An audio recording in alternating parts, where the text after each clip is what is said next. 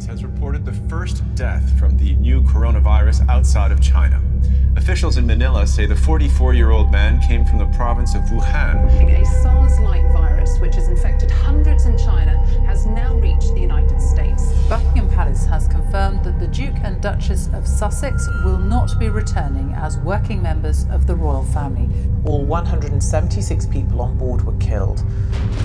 Taiwan's leader Su Jianchang says that the island needs to be on alert in response to what he called China's over-the-top military activities and violations of regional. We turn to Dr. Anthony Fauci, director of the National Institute of Allergy and Infectious Diseases. I execute judgment on you, COVID-19.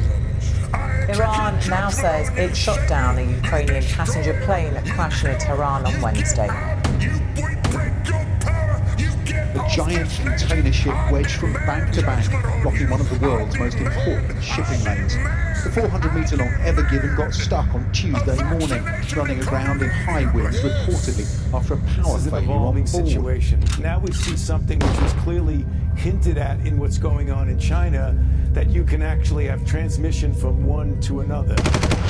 Oppressive, nasty diseases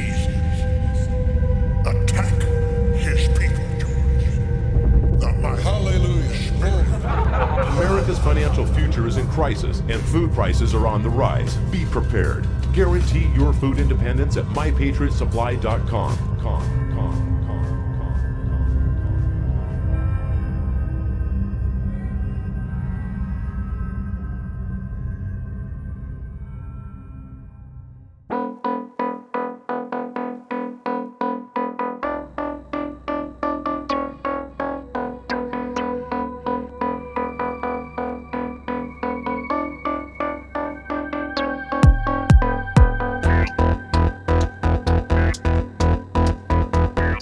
Gott fólk, verið velkomin í þátt númer uh, 12, held ég. Alveg öruglega. Ekki 13 sant? Nei, eh, ekki 13. Uh, það er, er það ekki óhapatala? Nei, nei, nei, nei, nei, nei, 13 Já, Er þetta ekki lukkutala? 7-13. Það er lukku, lukku, lukku þrennan, sko. Já, já, ef það bætist þið timbur við Já, þá, hérna, einmitt. Uh, við erum sem sagt komin hérna saman í dag. Það er ég og góður gestur, uh, góð vinur þáttarins, frumkvöðull þáttarins, reist á vaðið í fyrsta þætti, Níels Tíbu Sérert. Vertu velkomin. Ástar þakki fyrir, heiðurinn er allir mín megin Hvernig er að vera komin aftur í stúdíóið? Mér finnst það stórkostlegt Geðvikt. Mér finnst það svo, mér finnst þetta svo þarna svona, mér finnst svo hlýlegt að koma inga til þín Stefán og tala um heimsendi sko, mér finnst þetta bara meira áttar Já, takk fyrir það. Af því að það er ekkert sko, þetta er ekki neikvægt í þeim skilningi heimsendir. Um, það getur verið áhugavert og gaman og jákvægt að vilja tala um þetta. ekki spurning, ég meina það sem við vitum þegar við fæðumst er að við deyjum Mm það sem gerist þangað til vitum við ekki um þannig að það er rosalega gaman að, vit, að, að sko krifja og reyna að átta sig á upphaf og endalóks alls -hmm. Það er svolítið skemmtilegt. Við erum með sko fortíðina, við erum með framtíðina, svo erum við með nútíman. Mhm. Og það er svona kjarni málsins í dag. Nútíminn, uh, já, vel með einhvers konar smásjá. Ég er að sjá fyrir mér aðeins að skoða 2020, uh, já, vel 2021. Við erum svona að gera upp árið, nú er náttúrulega oktober, Mhm. árið er ekki búið, en við getum svona ímyndað okkur að hérna, vonandi gerist ekkert stórslis það sem eftir er ársins óskum þess, óskum þess. Og svo skoðum við aðeins framtíðina. Fullkomið. Hvernig er sko nútíminn þinn? nútími minn er er svolítið svona er leita aftur til sko upphafsins. Uh, ég sko ég þarna uh, byrjaði 21 árs skammallir í Íslensku óperu. Og eftir að við útskunum Stefán minn úr leikskólanum þá er ég komin aftur þangað og ég lít svo á fram að því þar til eitthvað annað tekur við að ég sé að labba aftur og bakk, sjá hvað ég hef gert endur taka eitthvað og síðan mun ég eh, nei, og þar leiðandi sko sjá hvað ég hef gert og, og, mun, og vonandi geta gert betur þá í komandi framtíð. E, já, baksín í speilin sko. Já, þetta er svolítið þar sko. En samt ég labba aftur og bakk sko Við gerðum svolítið að því í leiklistaskólanum Já, alla báttur og bak. Mér fannst þetta bara svo mögnuð hugt þetta Já Já, já, já, já, Ég hafði aldrei heyrt þetta fyrir en Halldór Gerastóttir sagði þetta við okkur. En þegar við gengum aftur og bak Mm. í leiklistaskólanum öðru nafni Listaháskóla Íslands. Já, leikarabraut inn á síðustu deildar þá hérna vorum við samt með sko einhvers konar augu eða skinjun í hnakkanum. Það sjálfsögðu. Og þá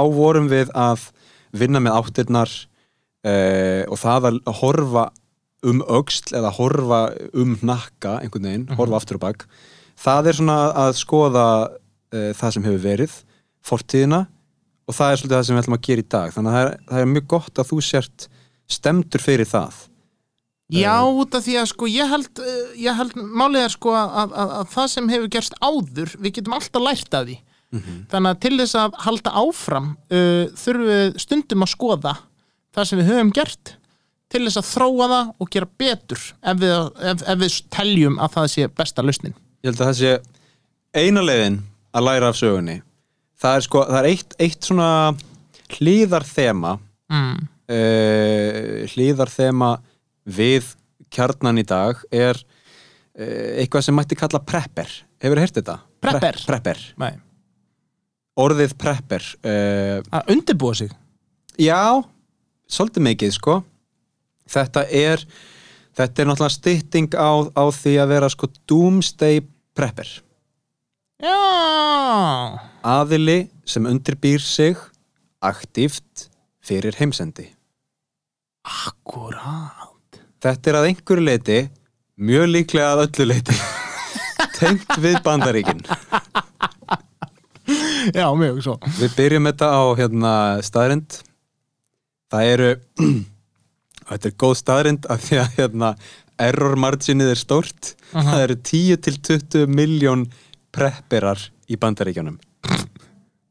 Og það er einhver svona ofsíða orðsefja fræði í kringum þetta því að ég veit ekki hvað það maður beigja þetta prepperar eða prepparar en, en hérna uh, látum það uh, býða betri tíma að greina, greina úr, úr um það sko, Og liggja á milli hluta. Líka milli hluta.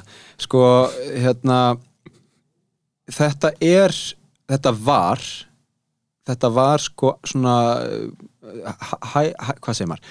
Fólk var að hæðast að þessu í gamla daga. Mhm. fyrir nokkrum árum var þetta svona ruggla, lu- rugglaði frændin út í skógi.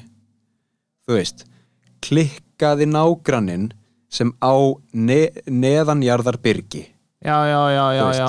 þar var þetta fyrir nokkrum árum mér skilst uh, mínir bestu heimildamenn í bandaríkjunum. Og þú átt þú, þó nokkra sko. Út um allan heim kallið minn. Já, já, já. Eru að segja mér að hérna, uh, þetta sé núna þá séu prepperar bara uh, hérna, hinn almenni borgari með góða og, mik og, og mikla rökhugsun þú veist. Ef að þú ert uh, rökhugsun gættur þá ættir þú að vera prepper þú ættir sem, sem, sem uh, samfélagsþegn að vera öllu við búin. Mhm. af því að nú sem aldrei fyrr er hætta á því að okkar samfélag og okkar siðmenning uh, líðundir lok. Þetta er hann sem við segja. Vá. Og ég held að það sé að mörguleiti rétt að einhverju leiti út af því að sko við höfum náttúrulega ekkert farið rosalega vel með okkur heldur sko. Við erum alltaf, til dæmis eins og við töluðum um í fyrsta þætti, við erum alltaf í stríði. Já, já. það er bara eins og það sé bara eins og kynkvöt eitthvað sem við þráum, eitthvað sem við þurfum. Þetta, er, þetta er sko fólk myndi ljúa því að sér að þetta sé eitthvað svona grunn eðli. Já, en það er líka út af því að sko við erum líka það mörg og ólík að okkur finnst stundum eins og við þurf eins og, eins og við séum ekki samstilt að jörðin sé ekki samstilt það er kannski út af því að við höfum aldrei sameinað hana. Og þegar við höfum sameinað hana eða reynd að gera það þá hefur það verið gert á kostnað einhvers annars. Alltaf. Þannig að við erum rosalega ófullkomin gagvart þessu, þannig að við höfum aldrei búið til eitthvað svona kerfi þar sem við getum látið hluti sem okkur ekkert varða kjurt liggja. Nei, nei. Eins og bara lönd og ríki eða skilu olja og eitthvað svona bla bla bla bla bla Sko, Evrópa tók gott rönn í þessu, gott 500-600 ára rönn í, í ofbeldinu og hérna nýlendu stefnunni og Mhm. fólk, aðalega menn fóru hart fram í því að samina heiminn undir hérna, veldisbrotanum Mhm. eh, ætli brettar hafi ekki komist næst í að einhverju leiti Mhm. En, en svo er aðri sem vilja meina að bandaríkin séu nú búin að gera þetta núna með svona hnatt væðingunni þú veist uh, fólk, fólk er, að, er að þekka Coca-Cola vörumerkið um allan heim sko. Það sjálfsögum uh, Þeir hafa líka séð til þess. Facebook datt niður um daginn. Við kolluðum það yfir okkur. Og sko ég man ekki hver talan var. Þetta er eitthvað, þú veist, þetta er eitthvað þriðjungur eða helmingur heimsins Mhm. sem er á Facebook Er ekki meira? Mér, ekki það að mér finnst það ekki nóg Nei, ég En ég skil hefði við, sko. giskað sko. Getur ímyndað þér að vera fórstjóri fyrirtækis? Mm. Hvað eru margir nótendur? Þeir eru- þeir eru fjóri miljardar Já, já, já, ok hérna, reynum að fara upp í fimm miljardar Og postaði hérna Coca-Cola líka hérna, Heyrði, heyrði hérna Coca-Cola Sáum hvort við getum ekki hendi í samstarf. Ég geta, sko uh, bret, heimsveldi breyta gott og vel Mhm. en Coca-Cola og, og Facebook, skilur Google og Facebook. Heimsveldi Facebooks. Ég mist þetta alveg rosalega gott dæmi sko. Þetta er bara það. Já, en 100% og, og, og líka á þeim fórsendum sko talandum að, að eh, gera eitthvað það sem við kölluðum yfir okkur og, og það sem gerist í núinu er að þegar rafmagni fór að miðbænum og vesturbænum Mhm. núna bara um daginn mér fannst það meiri háttar. Ok, ég held að ég hafi mögulega verið út á Tenerife. Já, það fór rafmagn, þetta var nú ekkit alvarlegt það var reyndar skringileg brunalikt niður í miðbæ. Þannig ég Mm. þór ekki að tjá mig um það. Nei, nei, nei. En uh, aftur á móti uh, heima hjá mér á Ránagötu við áttum vona á fólki mat uh, endum á búllunni út af því að þar var ennþá ramagn á gerskutunni Þau eru með díselin þau eru með dísel, Þau eru eitthvað með- næs Neyðar, Nei, hérna þetta voru nefnilega ekki öll hús Já, en þetta var alveg magnað. En þetta var samt eins og austustrætið það var, það var eins og sko, hverjum einasta veitingastað eða fatabúð eða hvað sem liggur þarna á austustrætinu að það væri lokað. Já. og það var bara ramagslaust nema í æsúer mm það var alltaf einhvern veginn allt bjart þar. Eru- eina búðin á austustræti Þau eru líka be beintengda línu við, við hellisíðina sko. við helsin, eitthvað svona. Og mér fannst þetta alveg stórkostlegt að upplifa út af því að þetta var svo mikið úr okkar höndum.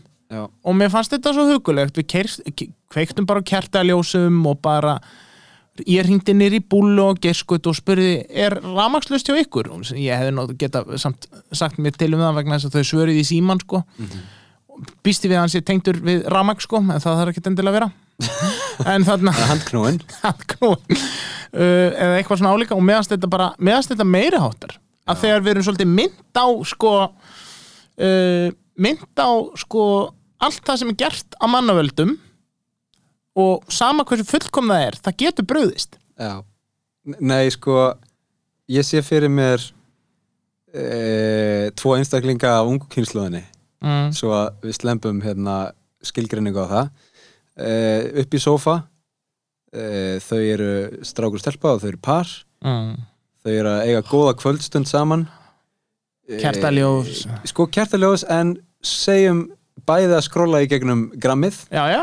þú veist það er romantíst það er romantíst í dag sko Í- já, já.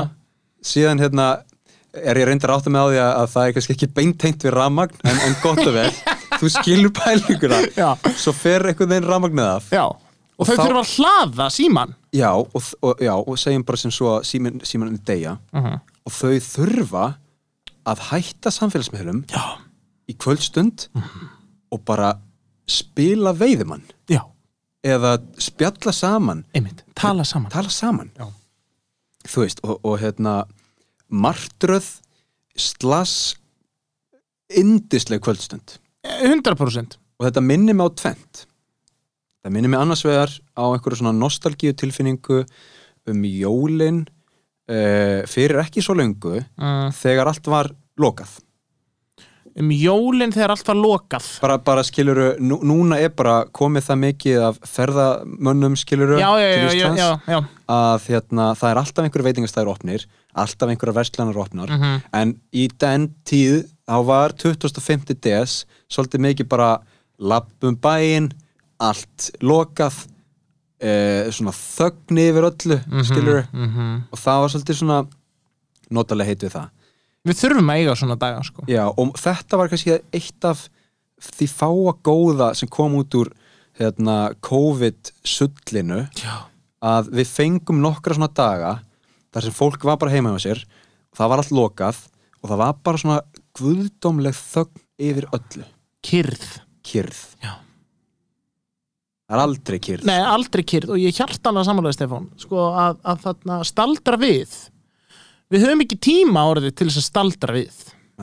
Uh, í fyrsta lagi við leifum okkur það ekki og séðan er líka smá samfélagi að segja okkur það held ég. Mhm. að við getum ekki staldra við. Við höfum alltaf alltaf alltaf alltaf. Alltaf skilur, da, da, da, og uh, ef það er eitthvað sem til dæmis mankinni og kannski preppararnir í bandaríkjunum og þínir kollegar mm. uh, þarna, nei ekki kollegar heldur þarna, kollega þínir uh, þeir eru kannski að berjast í raun og veru fyrir það að staldra við. Já um, Meikar það ég sens? skil, ég skil pælinguna sko, hérna en hún er kannski ekki alveg rétt. Já, sko, eh, eins og ég segi 20 miljón prepperar Já. Uh, Sumir vilja meina að megnið að þeim séu nú bara svona röksemdarverur, sko. Já. Og, og hérna uh, en ég var, að, ég var að kynna mér það og ég rakst á, ekki eitt, ekki tvö heldur ótal myndbönd af sko fólki sem er að preppa sig í gang sem er komið svolítið langt í uh, ruglið. Já, ég skil ég þá ertu farin að beita sko uh, heimsenda, heimsendaspám úr biblíunni. Já, Eh, þú ert farin að fá einhverja svona non-fiction höfunda sem hafa, hafa gefið út eina til fimm bækur um einhvern lofstein sem er að koma Mhm. og þú færð viðkomandi til að tjá sig um það og hann er að segja að heimurinn muni enda 2029 Er það næsta? það er næsta sko, það er örglega eitthvað fyrr en það er næst, það er eitt stórt sko Já. NASA er enda búið að segja að þetta sé bara ekki að fara að gerast 2012 var svona ár, var það ekki?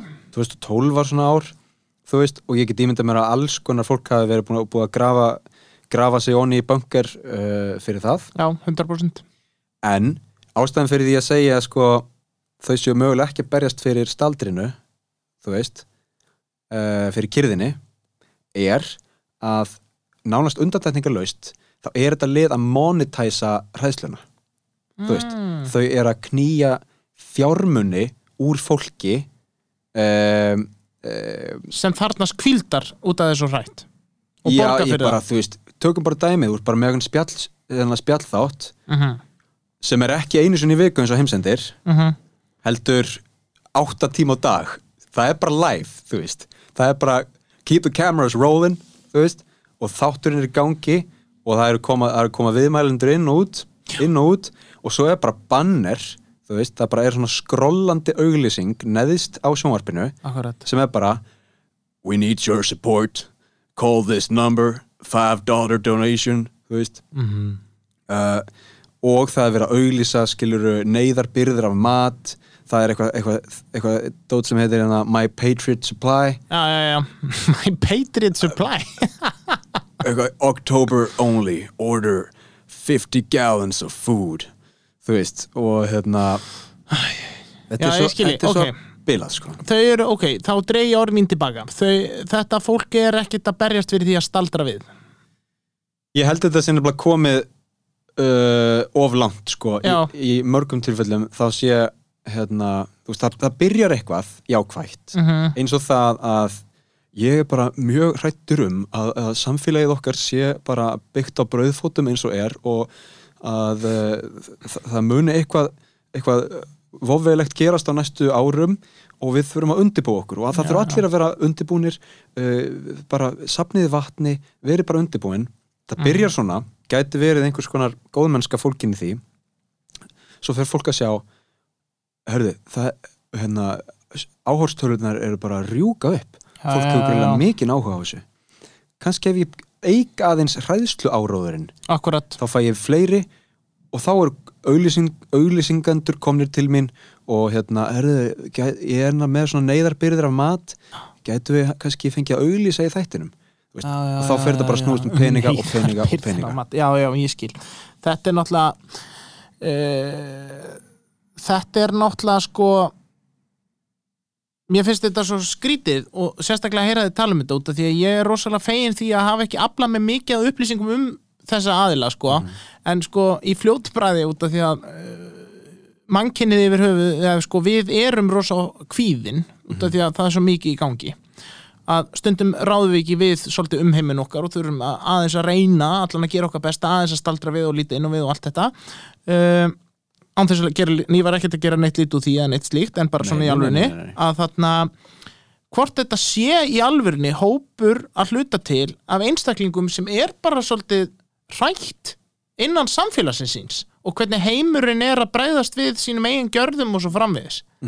Hvort þetta byggist má hræðslu og kvíða og svona alls konar að fólk fær kannski ranghugmyndir um hvernig heimurinn er í raun og veru. Veistu hvað við? Þetta er rosalega góða punktur sko. Að bara svona ímyndað er að vera bara hrættur við það að vera til. Já, út af því að heimurinn hefur bara einhvern veginn ekki eða sko, þú hefur einhvern veginn svona lokast á, að því leitum til, eða sko, lokast. Þú hefur bara einhvern veginn, þú veist ekki alveg hvernig þú átt að snúa þér. Nei ég held að, ég held að það sé alveg rétt sko að mikið af þessu fólki hefur einangrast að einhverju leiti Já. og er komið í einhvern svona bergmálshelli Já. þar sem allir í kringum þig eru farnir að janka við því sem þú ert að segja Mhm. og hérna fólk svona um, það er svona magnast upp stemmingin skilur já, já, já, já, já. Varst þú að fá þér byssu? Já, kannski ætti ég að fá mér byssu líka Þú just in cases just in cases, skilur Já.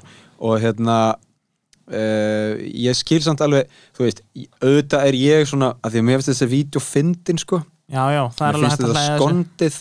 Mér finnst hérna alveg bilaðir karakterar í þessu dóti og, og ég er svolítið svona heitlaður af þessu sem einhver skona einhvern skonar hérna, menningar afkima í bandaríkjunni, ég væri rosalega mikið til að fara í vettvangsferð og kynnast prepper heimunum aðeins betur.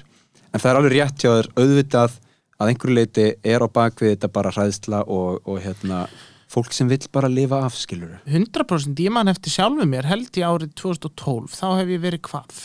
Uh, 19 ára. Tilturlega fullorðin, ungur enn og óharnaður, ég var á BSI og ég man, eða var þetta 2009 þetta var eitthvað svona heimsendar ár Já. gæti hafa verið 2012 kom myndin 2012 út árið 2009 uh, við getum komist að því en ég held hún hafi komist, komið út hérna 2012 ok, þarna ég man ekki alveg hvað árið þetta var en ég var allan á þessum aldri ég var svona milli átján og tvítugs. Veistu hvað þetta er rétt þér? november, þ- 13. november eftir uh, cirka mánuð 2009 2009 kemur þessi mynd út. Það var einhver heimsendarspá uh, um um það sem gerist í þessari kvikmynd gerðist á einhverjum degi í, seg- með rámar að það hafi verið oktober árið annarkvort 2009 eða 2012, ég maður það ekki. Ég man að ég var að taka vakt á BSI á þessum tíma. Já. og ég var bara mættastur og ég var ekkert búin að láta þessa skoðanir mín er að hugmyndir um, um, um, um, um þessa domstáksspár eitthvað í ljósi vaka sko. Og ég var ekkert búin að vera að tala um þetta við fólk. En ég man eftir því að þegar ég vaknaði þennan dag út af samfélagið og fréttirna voru aðeins búin að fjalla um þetta og það var búið að segja mér alls konar fannst mér samfélagið þannig að ég varð smá svona smá órugur þennan dag. Og ég fór bara að ímynda mér eitthvað svona ég ætla ekki að segja rugl út af fullt af fólki sem heldur þetta og þetta mun eftir skerast einn ein daginn skilur, sama hvort að vera í okkar lífstíð eða bara eftir mörg hundur ár að þetta muni bara svolítið verða engu, heimurinn skilur, þetta mun springa eða bara hvað sem mun gerast. Og það er leiðandi engar byggingar, engin melabúð, engin vesturbælu eða skilur allt sem mann er ekki væntum um, og þarna og ég var rosalega bara fegin að mann ég að klukkan sló held ég eina mínúti eða tvær mínútur yfir tilsettan tíma. Já, já, og ég man eftir tilfinningunni. Mér var smá létt. Já. ég var bara eitthvað horfði út, dagspyrta það var fyrir eitthvað fallegu dagur fréttinnar, það var ekki einu sinni fréttatími. Skilur eitthvað svona auka fréttatími eitthvað hefði gerst. Eitthvað svona, þetta var bara hvort það hefði ekki verið að endur sína bara gíslamartin eða eitthvað svona dæmi. Uh, og mér var bara smá létt. Ég trúi því sko. Og maður var líka bara svolítið ungur og óharnaður og þetta er svolítið fyrir tíma þessarar ótrúlega miklu samfélagsmiðla uh, byltingu. Skilur, Mhm. Facebook var árskamalt á Íslandi á þessum tíma. Það var svolítið MySpace og eitthvað svona sko. Ég var aldrei þar. Ég var þar sko. Blog.central og allt þetta. Uh, en ég er alveg sammáli ég, ég held að ég hafi verið meðvitaður um þetta líka. Ég man það samt ekki En þú veist, já, þið ráma samt eitthvað Já. í þessa tilfinningu. Maður var eitthvað svolítið bara svona þetta óörugur já, af því þetta var sko þúsund ára spá eða eitthvað Já, hannig þetta var eitthvað alveg galið sko. Já, og það er, svo, það er svo rugglað að þú segir hérna eftir þúsund ár þá mun heimurinn enda. Uh flóðbylgjur og eldfjöll og eldgós og jarðskjáltar Já. Þú munt aldrei lifa til að sko sjá hvort að þú reynist sannspár eða, eða ekki Nei. en down the line Já. þúsund árum síðar Já. þá er Nilli á BSI að pæla í því hvort að þú, hvort að, hérna, þú hafi reynst sannspár eða ekki Eða ekki, já Og ég bara flybuses over there og þetta bara, skilur, rúturnar voru að keira til Keflavíkur og blá lóni var opið, það var ekkert breytt Einmitt. Nei, mér finnst þetta alveg, mér finnst- magnað og sérstaklega fyrir berskjaldaða huga og saklausa huga Já. að auðvitað getur, en auðvitað næri þetta til okkar ef það er verið að, draga eitthvað svona upp á yfirborðið og það Ég- er ekki að segja til um einu sinni hvort þetta sé rétt eða ránt í alvörunni Nei, nei, nei, nei. Ég held sko að það séu til tvenns konar heimsendarspár. Það er annars vegar upp á dag, jafnvel upp á mínútu mm. Og hins vegar eitthvað sem gerist yfir langan tíma. uh, Getur ekki með dæmi fyrir utan þetta upp á dag og mínútu Loftsteinn, sko, hérna, að því að nú horfði ég á eitt svona þátt. Uh, Blessunlega horfði ég bara á uh, hálftíma af honum samt, sko. Já, já. En þetta heitir, ég vil eiginlega, jú, jú, segjum, hann heitir The Jim Backer Show.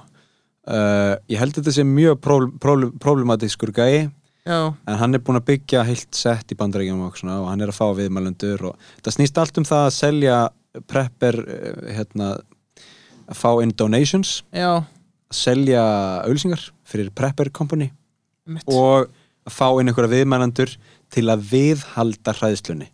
Hann er bara að fá inn viðmæ, viðmælendur sem eru að greina eitthvað í biblíuna greina eitthvað í bandarísk pól, hérna, stjórnmál skiluru og svo koma gæjar stundum sem er eitthvað ég er búin að fylgjast með halastjörnu eða loftsteini í 30 ár.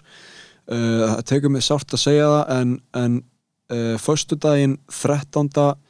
Uh, eitthvað uh, 2029 þá mun uh, styrnið uh, MN4 reykast á jörðina og það mun allir deyja. Ímyndað er þetta. Þetta er magnað. Og þetta segir hann í, í sjónvarstætti síðan tjekkaði ég á þessu ég fór hann á svona nasa.gov Já, NASA segir sko eitthvað uh, Asteroid MN4 will come scarcely close to Earth on April 13th 2029 but it will not hit. Uh og fyrir mitt leiti þá dugir þetta sko já, já, já. ég trú alveg NASA þarna sko og ég hérna, hef ekkert miklar áhugjur af þessum lofsteini árið 2029 en ég hef meiri áhugjur af þessum spám sem er að vinna með 50 ár, 100 ár 300 ár já, já, já, já.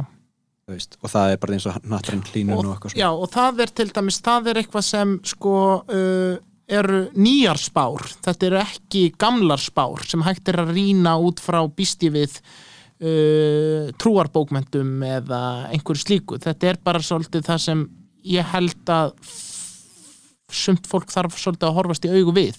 Hvað er að breytast og, hvað þá, og það þá hratt sko. Já. ég held að þetta sé gert þannig að þú bara skoðar ákveði langt aftur í tíman Já, og skoðar það sem er að gerast sko nær nútímanum. Einmitt, fimm ár aftur í tíman, tvö ár aftur í tíman eitt ár aftur í tíman, gefur því aðeins meira vægi af því það er kannski betri vísbending um það Mhm. sem er að fara að gerast. Og svo býrðu til eitthvað svona spá fram í tíman ég er hérna með sko eh, nokkrar spár fyrir sko árið 2050 já. Þetta eru spár, þetta er ekki starendir við verðum ekkert svo gamlir þá. 57, árið 2050, já við verðum 57 ára þá, já það er rétt. Já. bara á bestaldri Ég myndi segja það, 10 ári elli lifirinn Sko, þetta er ákveð atrið sem við rættum núna í gerðgrindar þættinum síðast. Um, Akkurat núna eru um þrjár og hálf miljón trukkabílstjóra í bandaríkjánum Já, Það er mjög líklegt að með tilkomu gerfugrindar mun megnið að þeim missa vinnuna. Akkurat, við rættum þetta mitt við rættum þetta.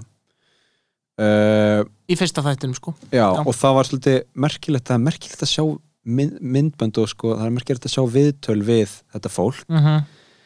að því að sko ég man eftir sérstaklega einu það var ein, ein, heitir þetta ekki trukkabílstjórar? Ég meina Þetta eru trukkar og bílstjórar jú. ég held það sko, svona lang lang, uh, lang kyrsla Já. flutnings, flutningabílstjórar. Þar sem þeir sofa oft á tíðum held í bílónum Já, út af því að þetta, tek, þetta er bara margar daga ferðalag sem Já. þeir eiga fyrir höndum. Og það var verið að spurja hérna, af hverju elskar að keira eða þú veist, eða hvernig finnst þér að keira mm -hmm. og hann sagði bara, elska þetta er svo ótrúlega næs að bara fara upp í bíl uh, og setjast upp í svona stóran bíl og vita að ég get keirt hann, en þú getur ekki keirt hann. Svo er það bara ég út í náttúrinni að keira bara og, og líka ég veit að ég er að I'm providing, þú veist, ég er að koma með hennan vörur, ég kannski með vatn eða mat fyrir fólkið í, í samfélaginu og ég er að leggja mitt að mörgum og svo spyr, Á, já, algjörlega. Það er fallegt það er fallegt sko og, svo, þetta er alveg rétt sko. Algjörlega og þú veist, maður þarf að byrja virðingu fyrir þessu og svo spyr sko uh, þú veist, gæinn sem er að reka fyrirtæki sem er að hanna gerfigreindina sem er að fara að taka á honum starfið. Já, hvernig finnst þér það? og hann hefði getað farið í vörn og sagt bara, þú veist, you're taking our jobs eitthvað svona, Mhm. hann sagði bara mjög veist það bara uh, mjög áhugavert, þú veist. Uh, auðvitað var hann svona smá skilur Já, já, já. sár yfir því, eða beiskur yfir því sko, en, en hérna hann bara fór að spurja eitthvað, hvernig, hvernig díliði við vind ok, já, hvernig gerið þið þetta já, já, það væri gaman að fá að sitja í og sjá hvernig velin uh, höndlar þetta Þú veist, og það er svona að setja þetta í svo gott samingi sko. náttúraflið tekst á við tölvuna já og bara þú veist þetta er, það er ekki hægt að setja fótinn niður og segja bara hingað ekki lengra, við ætlum að vernda þrjá og hálf, hálfa miljón af trukkabílstjórum.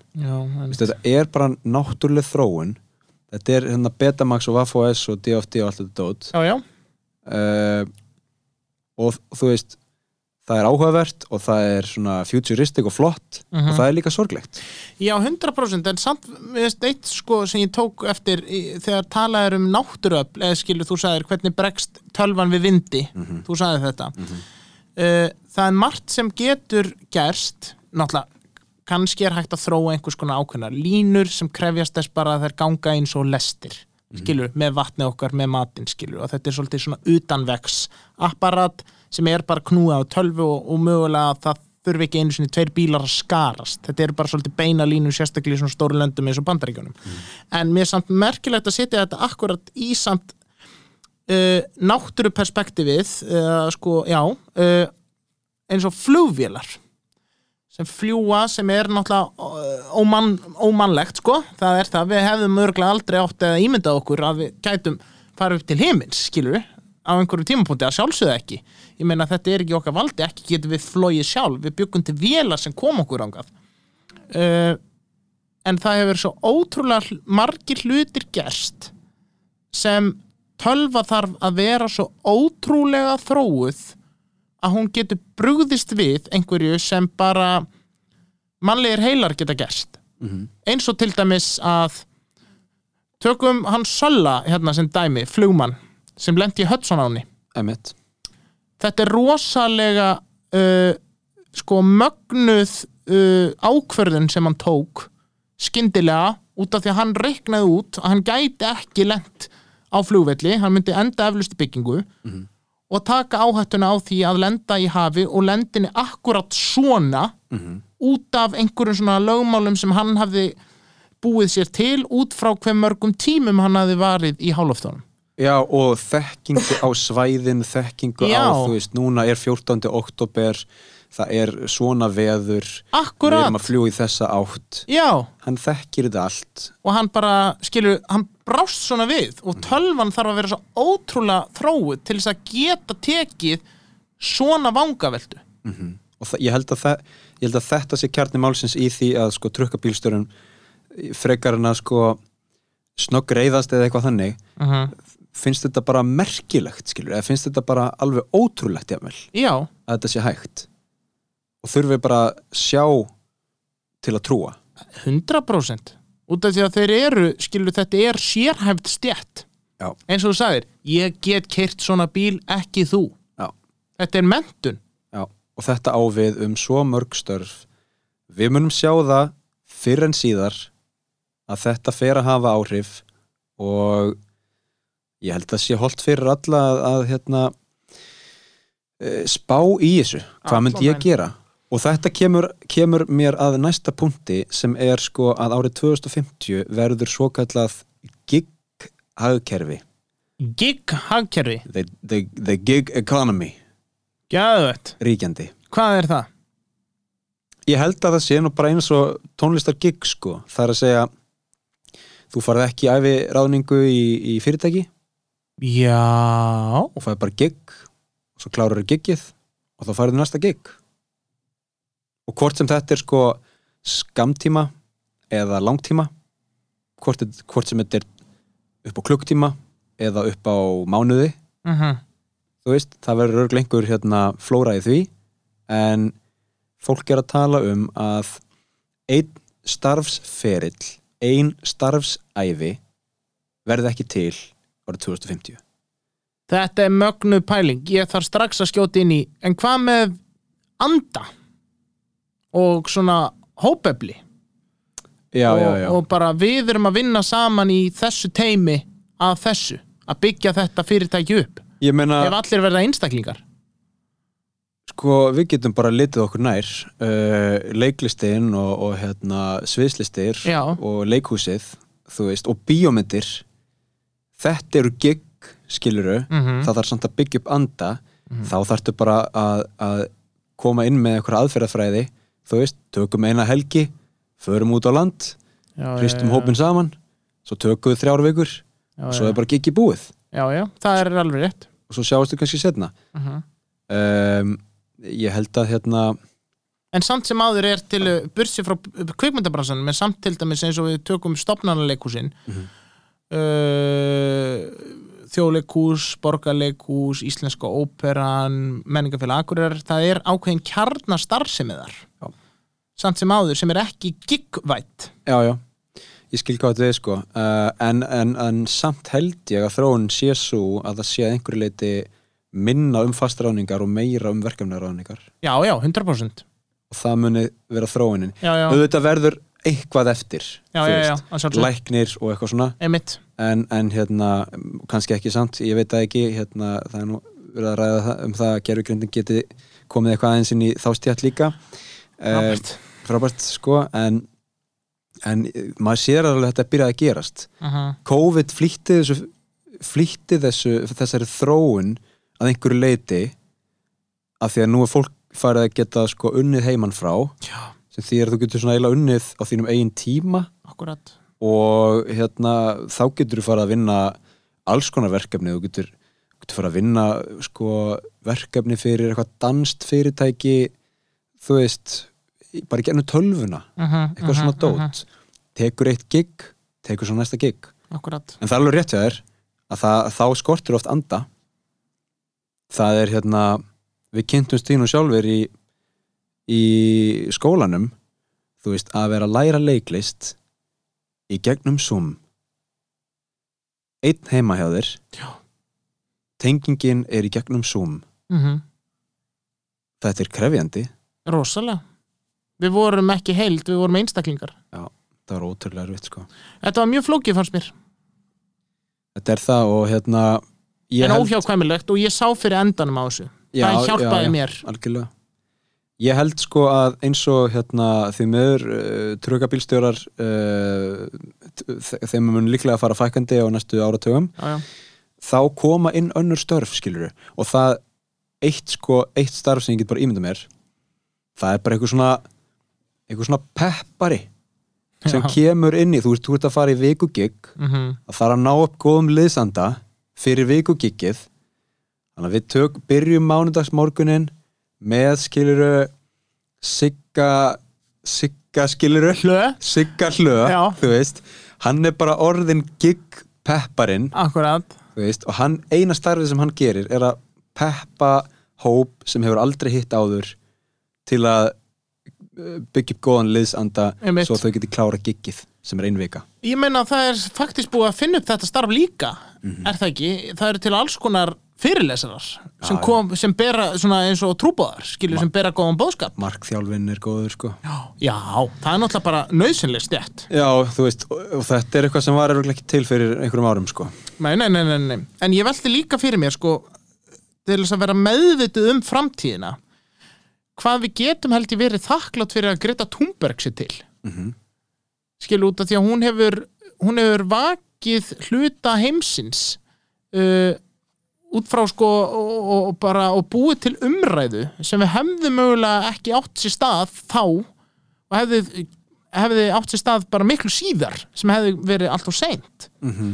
nefnir svo magna líka þetta að, að við eigum sko mannlega einstaklinga sem geta séð og vakið okkur til lífsins en ekki einhverja svona alltaf endalisa spár sem koma út frá einhverjum tö- tölulegum upplýsingum og einhver svona da, da, da, da, da. það er sáfaktor líka Einmitt, og það er áhugavert sko að ég, ég hérna leit upp í spár fyrir 2050 Já. við erum að tala um nútíman og þú nefnir sko Gretu Thunberg uh, er hv- hvað hvað heldur fyrir þér vöku ef þú skilur hvað við Mhm. Hva, hvað er mest ákallandi í akkurat núna, árið 2021 Mhm. er, þú veist, ertu, ertu eitthvað að pæla í svona heimsendadóti raunverulega Ég? Nei, ég geri það í raun og veru ekki sko það sem mér þykir hvað magnaðast við heimsendi er að, að, að kirkjan uh, gerir flest alla Íslendinga tilbúna fyrir heimsendi með því að snúa höfðinu í austur Mm. að þá kemur sko nei, fæturnir í austur, ég man ekki því alveg Já, við, upp á það sko að heimsendir komi ekki aftan að þér. við lok, ert, byrju nú, ert að tala um við lokagönguna? Uh, ekki lokagönguna, heldur bara þegar domstafur er Já. og heimsendir uh, knýr og bera dyrum Já. bera garði að þá uh, kemur heimsendirinn ekki aftan að okkur. Okkur verður byllt við heldur hann, við sjáum hann koma. Af því að við sitjum þannig. Já, við liggjum öll þannig. Já, það er erfiðara með ösku en uh, út frá líkumum þá er, þá er við jörðu þú svona. ert að tala um lokagöng þú ert að tala um þegar þú látin. Þau ert látin. Já, já, já, já, þá er þetta alveg bara sama hvenar domstafur mun koma hvort það er 2050 eður ei Mhm. að þá er allan að búa að undirbúa alla þá sem eru þegar látnir að hann mun ekki koma aftan á okkur. Algjörlega. Frá, frá með árinu uh, 1005 kannski. já, ish, já. Ish. þetta eru margir sem býða þess það er í raun og veru eina sem ég tengi sko við heimsendi og mist þetta rosalega falleg nálgun á Mhm. að, að, að skilja líkama eftir já, í sinni hinstu kvílu sko. Já, já, en aftur á móti sko er við svolítið aldnir upp við það Stefán að, að, að það er alltaf bara búið að vera að segja við okkur nei heimsendir, þið verðið aldrei til þegar heimsendir verður. Allt þetta sko, á meðan sko það mun kannski rísa upp svo kynnslóð kannski er við svo kynnslóð ég bara veit það ekki uh, að þetta verði mögulega sagt en síðan mun það henda þessa kynnslóð já, já. út af því að við erum rosalega sein í því að bregðast við því sem við höfum gert ránt Þetta er góða punktur. Ég er sko uh, það er sko kaldastriðskynnslóðin mm -hmm. eflust tvær eða þrjár kynnslóðir sem eiga þar heima já, já. þar var fólk mikið að pæli þessu Jésús það var ekki heimsendir. Kannski af því að fólk var mikið að pæli kannski af því að það hefði aldrei orðið. Kannski af því að við vorum heppin. Uh -huh. gott og vel. Núna í dag, eins og við erum búin að ræða fólk hefur svo mikið að gera og pæla og hraðin er svo mikill og við erum tengd. Við erum sko einangruð og tengd á sama tíma. Og við erum eins og kolkrabbar með ánga út um allt en samt einhvern veginn enga beintengingu, enga snertingu. Og hérna það er örgulega ég held að það sé mjög eðlilegt að þú pælir ekki í heimsenda á Mhm. hverjum degi, ég gera eða ekki heldur. Er það nokkuð? nei, Sem er ólíkt þér? Já, já, einmitt. Sko, Þáttastjórnandi heimsenda. Er líka bara, þetta er eina sem ég tala um þú veit svona utan stúdíósins líka sko. Akkurat. En hérna ég held bara að það sé veist, hvað fyrir maður oft inn á, vísi.is á dag 150 sinum. Max, já. veist, og hérna, það er bara svo það er svo illa mikið af upplýsingum að koma inn Endalaust endalaust hvernig átt þú að vera að pæla í einhverju ruggli sem gerist 2050 100% þetta er svolítið svona við, verum, við pössum ómeðvitað upp á okkur, sjálf okkur að því leitinu til að við tökum stundum eitt dag í einu sko, sérstaklega hvort þessu. En aftur á móti fannst mér magnað að heyri fréttum um daginn þegar hvaða vélar flugu yfir hvaða landamæri. Var þetta ekki Kína og Tævan var ekki Kína og Tævan akkurat, ekki Tæland Tævan, Tævan, Tævan alveg rétt. Uh, Kína flög yfir landamæri Tævan eða landhelgi í Tævans uh, flughelgi Flughelgi. bara sko hundra sinnum skilurðu, 100 sinnum. þúsund sinnum bara Forseti Tævans sagði í, uh, í þarna í fréttum að möguleik er fyrir hendi að Kína er að undirbúa árás árið 2025 Já. árið er 2021 þetta er, hvernig er hægt að fyrirbyggja eh, fyrirbyggja, hvernig er hægt að undirbúa uh, árás svona lengi með, eða sko hvernig er að spá fyrir um svona? Uh, ég held að hérna það sé bara hægt að spá fyrir um það af því að fórseti Kína er búin að segja að gera það. Já, er fórseti Kína búin að lýsa þessu yfir? Sko hann er náttúrulega ekki búin að lýsa yfir hérna eh, stríði eða hérna er þetta held að stríði sé ennþá bara í gangi. Ég held að það sé ekki búin að leysa úr því frá því, frá því hérna á síðustu öld. En Mhm. ha- hann hefur sagt að sameining Kína og Tævan eh, eða sérst að, að Tævan komi aftur inn í, inn í Kína Kína. uh, sé bara tímaspursmál og verði leist þetta vandamál innan geðsalappa verði leist innan geðsalappa uh, með valdi ef þess þarf. Hvaða vitleysa er þetta? uh, það er góð spurning sko. Þetta er rosa mikil della, Stefán já, uh, nú hef ég aldrei komið til Kína ég hef aldrei komið til Tævan uh, ég hef, hef sterka hugmynd um það að Tævanir séu ekki mjög hrifnir af þessu. Ég hef sterka hugmynd um það líka. Og hérna út af því að kannski mögulega út af þetta er önnur þjóð annað ríki, önnur menning. Auðvitað, annað kerfi þú Já, veist. þetta og er ég meina, þeirra. ég meina það er, það er ekkert af ástæðu lausu að, að fólk í Hong Kong var að mótmæla uh, aðgerðum kynvera eða Mhm. uh -huh. ekki kynvera kannski, heldur kynversku ríkistjórnarinnar skulum við segja út af því að Hong Kong náttúrulega til er í Kína en það er samt einhvers konar er það ekki einhvers konar eiland innan Kína samt Jó, sko, nú maður nýkjöna var 95 eða 97 eða eitthvað, þá fara breytar frá Hong Kong og það er eitthvað svona 40 eða 50 ára transition period. Þa, þar sem hérna á einhverjum tímapunkti, ég heldur endur að hafi verið sko 2040 eitthvað sem hérna Hong Kong ætti endanlega að fara inn í Kína. Þannig að það er hægt og rólega að fara inn í Kína? Nei, svo bara upp á síðkasti að hafa kínvesk yfirvöld flýtt fer ferlinu. Já. og þetta er sko þetta er alveg eitthvað sem held ég fólk ætti að pæli í af því að þetta hefur svo mikil áhrif. Þetta er ekki bara hinum enn á hnettinum og eitthvað óviðkomandi öllum um, ég skil fullkomlega að við vinnum allt og mikið á Íslandi Já.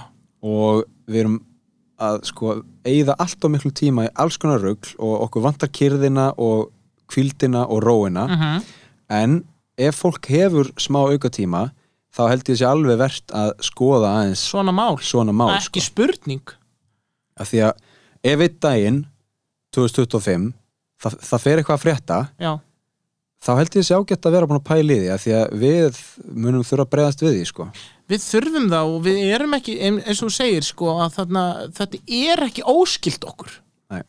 þetta er fólk að holda blóði eins og við bara með annan kúltúr sem Já, er fallegt já. og það búa pottjett sko, það búa náttúrulega mjög margir kýmverjar í Íslandi og pottjett tævanir líka og þú veist, það eru bara Íslandingar sem eru bara með uppruna frá begja þessara landa og, og hérna skiluru, þetta er ekkit fjær en það og Nei. þetta er heldur ekki fjær en það að þú getur stokkið upp í flugil og verið mættur á annarkot stæðin eftir 12-13 tíma sko, já, já, já, svo það sé sagt.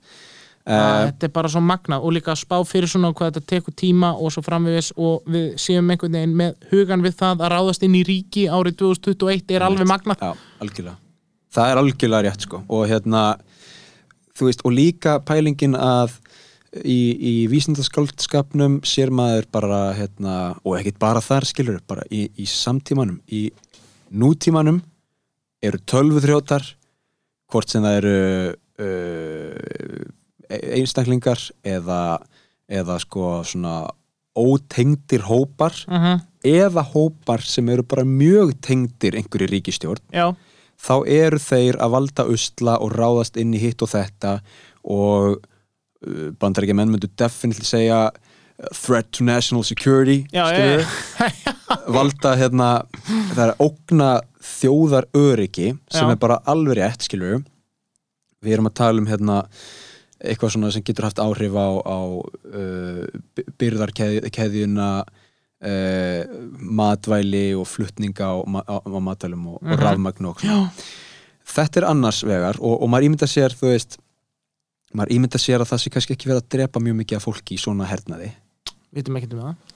En á sama tíma þú veist, er enginn búinn að segja bless við byssuna, sko? Nei, það er nefnilega málið. Það eru bara skriðdregar og, og hérna Brinnvarði bílar brinnvarði bílar og herflögar og loft, eða, hérna, fallbyssurnar Já. og flugskeitin og allt þetta. Mhm. það er allir að, þú veist pæli þessu ennþá. Og kaldastriðið snýrist náttúrulega um þetta Það var bara víst eitt takki sitt hvort megin á hnettinum. Já. sem hægt var að íta og það myndi annarkvort ríkið uh, eyðast. Þetta er í bandarækjan The Nuclear Football? Já. Já, ég mynda þetta, þetta er svo, já, þetta er svo magnað sko. Segðu mér samt eitt Stefán að öllu þessu sögðu þá velti ég fyrir mér út af því að við erum líka á svona jáðrinu við það að sko að, að, að líf okkar mun umturnast ef eitthvað svona allsjæra kerfi eins og ég tala ekki um innrásin í land skilur, en ef við setjum það aðeins til liður út af því að það er náttúrulega eitt og sér bara svona algjörlega absúrt fyrir mér sko, árið 2021 en líka það að eins og við byrjuðum þáttinn Facebook hrinur ég velti fyrir mér og ekki bara Facebook heldur Instagram líka út að það tilherir allt í einu uh, orðið Facebook. Já. það var keift einhvern tíman hérna árið 2000 og eitthvað. Fór fram hjá mér. Fór fram hjá mér líka. Uh, þarna og ef ekki Google er inn í þessu líka hver veit, veit allana uh, ég velti fyrir mér, hversu mörg líf heldur að séu til á netinu já við heldur að við séum að keira inn í einhvers konar þannig heim að ég sem einstaklingur Mhm. uh, Níels Dibouchirer er bara að fæðast og séðan fæ ég síma það er Já. nánast bara sko vöggugjöfu mín Mhm. að mitt líf er í alvörunni í tækinu Já. en ekki fysiskt ég er ekki á staðinum í hinnu andlega í hinnu andlegu veröld. Heldur ég er í, í, í, í tæki. Úrt í glasinu. Þannig að þegar þetta hrinur heldur að, að sumir einstaklingar bara viti ekkit hvað þau að gera fyrir sjálft sig? Uh, Ertu að tala um þegar sko heimurinn er orðin þannig þegar framtíðin er þannig að við erum öll einhvern veginn uh, bara, bara- fysiskt orðin tengt inn á neti já.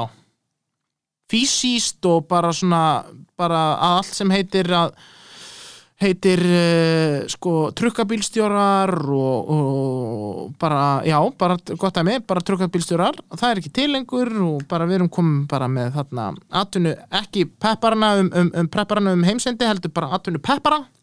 Uh, það er bara komið inn í öll ríki, allir orðnir bara verktakar eða hvernig sem framtíðin uh, mun útkláð það mál. Mhm. þegar þetta er giggin, allt þetta. Já, Og ég myndi að það er skrefinu lengra sko þegar allir eru í gígunum sko. Já. Allir eru í gígunum. Þú er með geggjaðan snjáltsíma já, þú fa- sem er kannski bara grættur við lóan á þér eða Akkúrat. augað eða eitthvað. Þú fær giggið skiluru í dag ætla þú að vinna í fjóra tíma.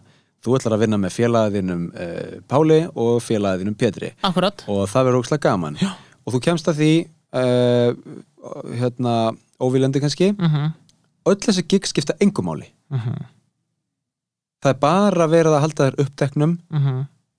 gerfigreindin er búin að leysa öll vandamál já, já, já, það þarf ekki lengur að búa til peninga skilur. það þarf ekki lengur að búa til samlögur sóma samlögur, það þarf ekki að smyrja þær mm. velarnar smyrja þær sko. giggin eru bara svo þú sért upptekinn og getur komið heim eftir erfiðan vinnudag og slækað á akkurat og séðan þegar þetta hrinur Mhm. hvað hva sittum maður upp með? Veist, það er náttúrulega það sem prepparandi segja sko. Núna erum við svo bómullar uh, um vafinn Mhm. að ef eitthvað gerist þá erum við bara sko þá, þá höfum við ekkit bólmagn til að takast á við það. Ég meina það er, það er gott að við sem að ræða nútímana því að við erum núna vonandi að sigla út úr COVID-farinu eða COVID-inu eða hvað fólk vil kalla það. Um, þetta var þú veist þetta var svona ákveðin rannsókn út frá heimsenda pælingunum sko Mhm. Já, allan daginn ég meina, við vorum saman í skólanum að horfa á okkur upplýsingafund Já. það sem ríkistjóðin sagði bara gott fólk Det er það lúfið. er uh, eitthvað rugl í gangi hérna Mhm. við ætlum að byggja ykkur að fara bara heim Já. og loka gluggum Já. og hurðum og býða heima Dræði fyrir dreigi fyrir Já. Það var bara svona. Já. og þú veist, maður er bara eitthvað hvað er að gerast? 100% 2020 uh, ég ætlaði bara að vera í skólanum. Nú er ég bara heima að uh, skró, þú veist, refressa einhverja fréttasíður. Ég algjörlega, en ég meina við áttum þá það, við búum að því allan að þessi kynslu sem gekk í gegnum COVID og þrátt fyrir við vorum lokuð inni þá búum við að mannlegum samskiptum menn Já, já og gátum leita leiða út af því við vorum faktist eða skilur, við erum að mestu leiti engum háðu nema skilur okkur sjálfum, fólki já, já, skilur, já. vélinn er ekki orðin það sterk að við erum skilur uh, alfarið á hennar valdi svona alfarið þrátt fyrir að sko ég veit ekki hvað við hefum gert ef Zoom hefði klikkað nei, skilur nei, nei, nei, og, en, en sko þú, uh, það var eitt sk- sko, hérna, einhver ósynlega hönd tekur eitt skref í áttina að heim, heimsendi Já. COVID, þú veist því er fleitt fram á borðið. Mhm. gjörðu þið svo vel, hér er COVID. Já. eitt svona skref í viðbót Mhm. hefði verið sko exponentially meira fokk. COVID pluss ramasleysi í mánuð. Já, þá erum við að tala um eitthvað rugl sko. Eh, nei bara allan daginn sko. Þannig að það, ég skil kátt við að við hérna uh, við, erum, við, við vorum að einhverju leiti í stakk búin til að takast á þetta. Já, það hefði ekki þurft mikið meira. Nei, einhver svona, einhver svona alveg satanísk blanda hefði geta bara fokkað þessu öllu upp sko. allan daginn. 100% og líka það að, að þegar við förum ennþá lengra inn í þetta bara sko þar sem persónleiki skilur ég þóra að segja einhverja uh, er beisaður í tölvutakku formi. Mhm. Skilur það er þeirra líf og undi það er atvinnutæki þeirra.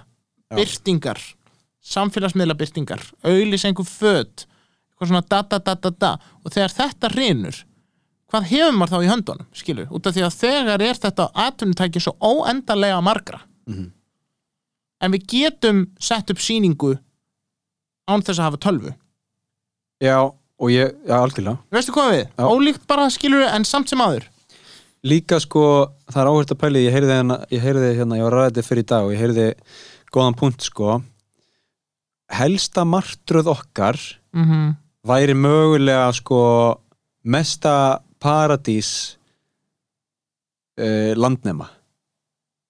Skilur hvað við akkurat. Færum okkur þúsund ár aftur í tíman mm -hmm. öll, það er bara, það er ramagslaust hver er svona klár? hérna, yfirmaður minn Fiffi Já, geggja. uh, sko við erum búin að missa allt rafmagn, við erum búin að missa alla tækni, við erum búin að missa sko öll kerfin, Akkurat. allan infrastruktúrin, allt þetta dót, eina sem við höfum er hvort annað og, og tvær hendur og, og hérna, Mhm. allt það skilur og nú það bara taka til hendinni og byrja að byggja Já.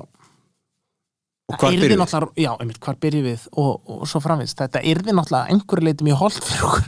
Já, Skilur, þetta grínast þetta grínast? Og sko ge gefið, ok, Ísland er ekstrem dæmi. Uh, ég myndi persónulega fara hægt í það að verða landnemi á Íslandi. Já, já. en tö- segjum sem svo að við værum bara í söður Svíþjóð eða eða kannski aðeins sunnar, skilur við Mhm. Við erum í norðu Þískalandi, Holland. Eitthvað þannig, skilur við, pældi hvað þetta væri gaman? Er þetta grínast, ef við hérna væri með ykkur svona hundramanna hóp. Já.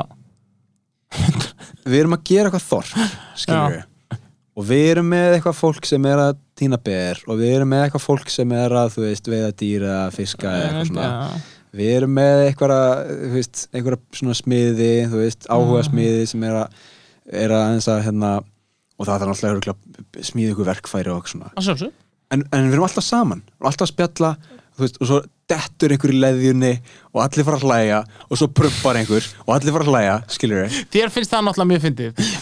Stefán myndi hlæja. Já, og sko, síðan þegar fyrsti kofin ristur Já.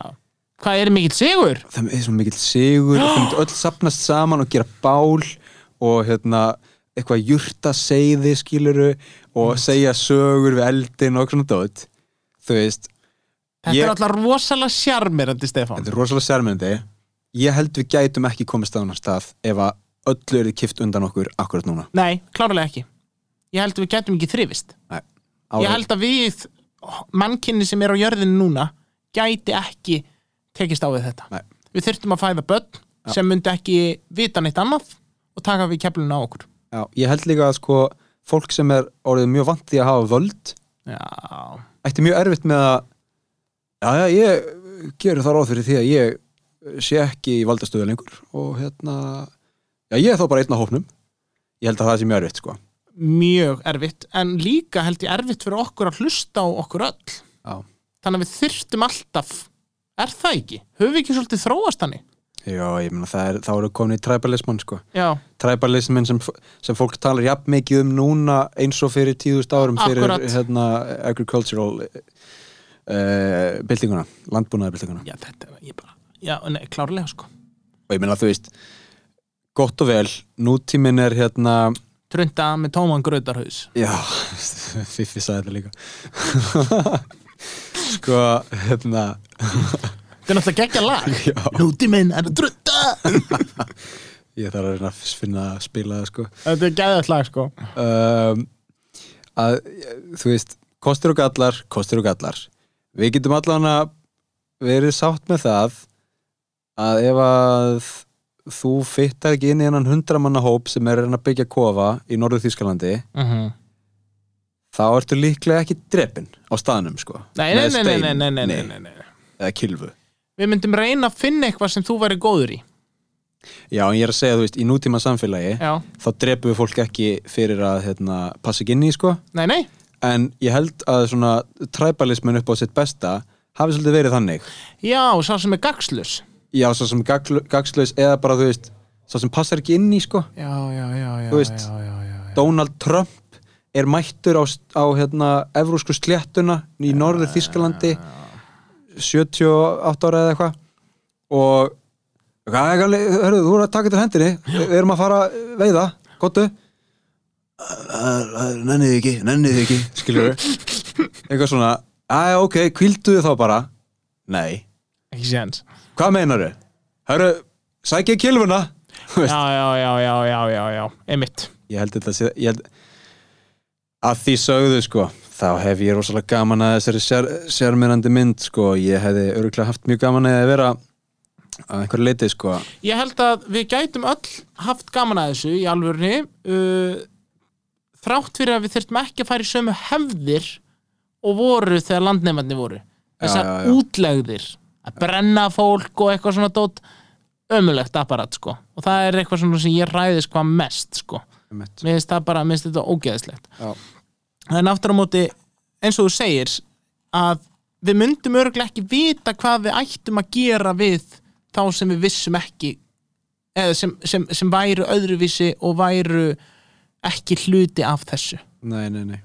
Að þá, meina- þá ertu komin út í svolítið góða þró eða sem, sem hefur sínt sig að það er góð þróun Mhm. að þeir sem finna sig ekki við gerum okkar besta í að reyna og finna flöt fyrir það fólk til þess að lifa hamingjusömmlu lífi hugmyndin er svo að allir séu velkomnir. Já, inn í heiminn. Inn- já, algjörlega. Það er svona hugmyndin og svo, svo eru bara hérna og ætla þessi ekki þetta besta sem hefur komið með nútímanum? Ef þú ímyndaðir það? Jú, þú veist, að, að allir séu velkomnir og sko ekki bara hugmyndafræðilega heldur sko út frá átæki og, Já. og hérna gjörð sko er það ekki bara mögulega í alvörinu það besta sem hefur komið fyrir okkur? ég held að, ég, sko, nú erum við að tala um bara hérna, svona nútíma samfélag á Íslandi líklega og, og kannski viðar sko. Algjörlega, ég meina skilu út af því að það er svo ótrúlega mikið af fordómum sem hafa allatíð ríkt og sömulega stríð út á trúum og öðruvísi og ég veit ekki hvað og hvað og hvað og hvað. Mhm. og þegar við höfum reynt að færa okkur frá því finnst það bara stórkostlegt ef ég velti því fyrir mér. Já, og það, ég sko maður þarf að fara rosalega varlega í eitthvað svona algjörlega út úr kú uh, svona um, sko, hvað heitir það, svona líffræðileg erðafræði Já, eitthvað, já, maðurinn var nú gerður til að hérna, gera þetta og sérðu nú hérna endaðislan okkar, við erum gerð til að gera svona og já, já, já. hérna, það er nú bara í mannlega eðlilega að vera træp sko og vera hrætt við náungan og svona. Þú veist það er rosalega erfitt að vera að bera nútíma mannin saman við fyrir tíust árum sko. Já, já það, er, það er nánast ekki hægt. Erðafræðilega séð er tíminn mjög stuttur ég get alveg janka við því en á sama tíma getum við alveg verið sammála um að allir eigi að vera velkomnir og, og hérna, að við eigum að berjast sko með því eða sérst, berjast gegn hinu að hérna um, að fólki sé ekki hlift inn sko. Í allan daginn. Og, og ég held að það sé alveg hægt á, á svo mörgum stöðum að sko fara aðeins gegn einhverju svona grunneðli. Ég meina það er það það er ekkert grunneðli það er ekkert í neinu grunneðli að sko búa á eiginu Ísland þú veist, það er ekkert ef við erum að taka bara einhvern svona Já, uppruna mannsins pælingu sko. Já, já, við erum bara ekkert lengur þar. Við erum að tala hérna í einhvern, einhvern mikrofón sem er búin til eitthvað út í heimi og þú veist sitjum hérna í einhvern stólum og það eru bílar að keira og eitthvað svona, Mhm. ég sé þú veist, eitt tri og ég sé, annars sé ég bara mannkjæra hluti sko. um, það þýðir ekkert að vera að bera okkur saman við eitthvað hérna, t- tribal warrior þú veist, Nei, nei, fyrir tíust árum það er ekki hægt en aftur á móti voru þessar vangaveltur samt um að, að samina okkur í samina okkur aftur þannig að við högð, hegðum okkur að einhverju leiti eins og landnefnarnir að byggja saman eitthvað upp eitthvað stórfenglegt og hlusta hvert annað og hjálpa hvort öðru. Það er eftir á móti eitthvað sem nútíma einstaklingur einstaklingarnir uh, held ég hefðu allir gott af. Ég held það, já, algjörlega. Maður þarf að, maður þarf að skoða sitt nánasta umhverfi og, og hérna, sína, ná, sko, nánustu fortíð Já. og svo fara bara þúsund ár, tíust ár tilbaka. allan daginn Hvernig, talandu um það, hvernig er hérna, hvernig væri fullkomið 22 hjá þér?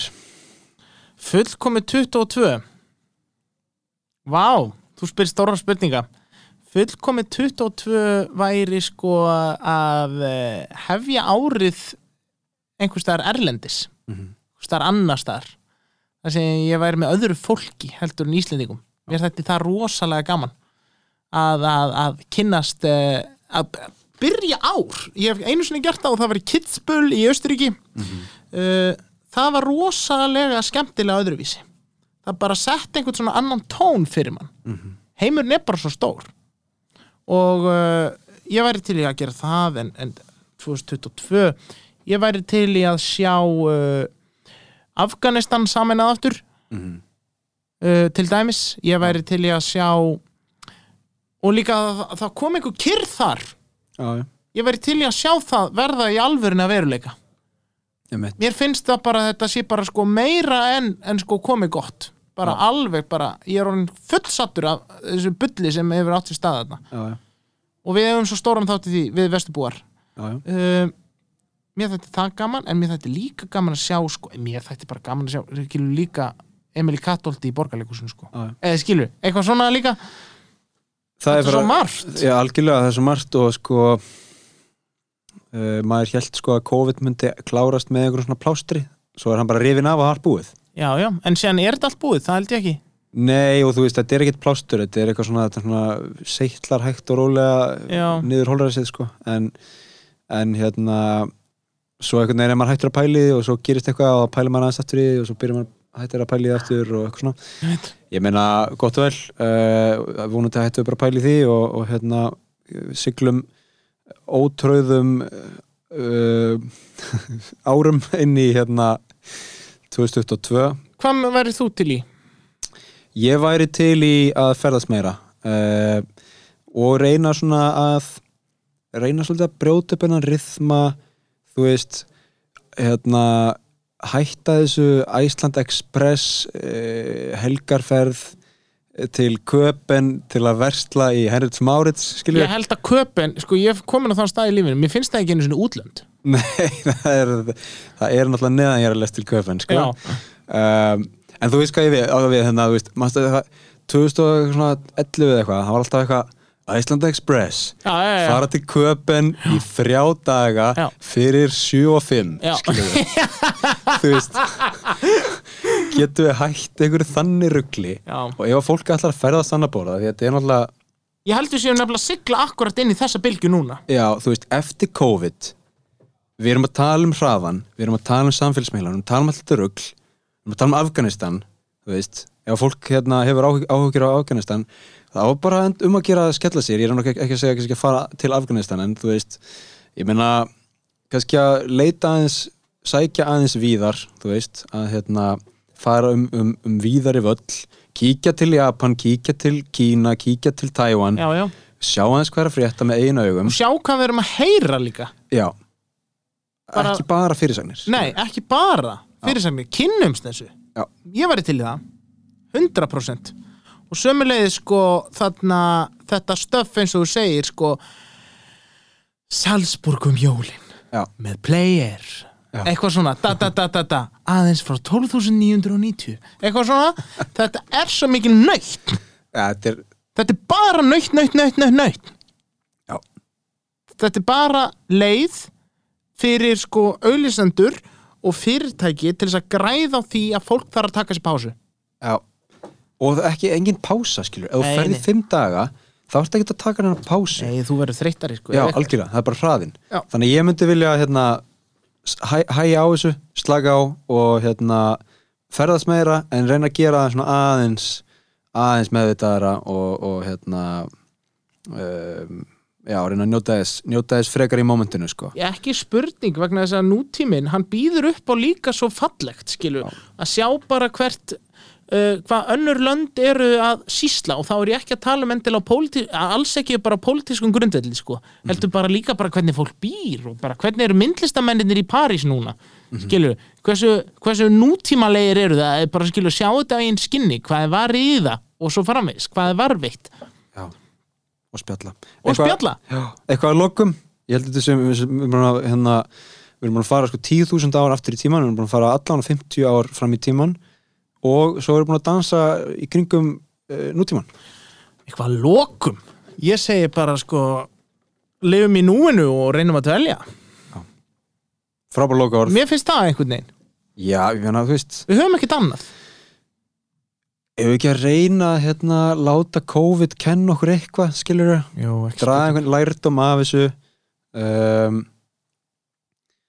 vinna minna vera meira með fólkinu. Já. Þú veist, leggja síman frá sér á og til Já. eitthvað svona dót og dvelja í hugmyndunum og ekki vera sko hva- of kvatvís, þú sagðir vinna minna áður en við leggjum eitthvað á laginnar vinnuvikan styttist hvað merkir það? Hvernig er Íslands samfélag? Ef við tökum bara Íslands sem dæmi, hvernig er okkar samfélag? Getum við bóðið upp á það? Hvar getum við bóðið upp á það? Og getum við hjálpað fyrirtækjum til þess að bjóða upp á það? Já, spá í spilin áður en uh, spilunum er útdeilt Já. Þetta eru góð lokaorð Gekkið held ég Neili, takk hérlega fyrir komuna Stefán, takk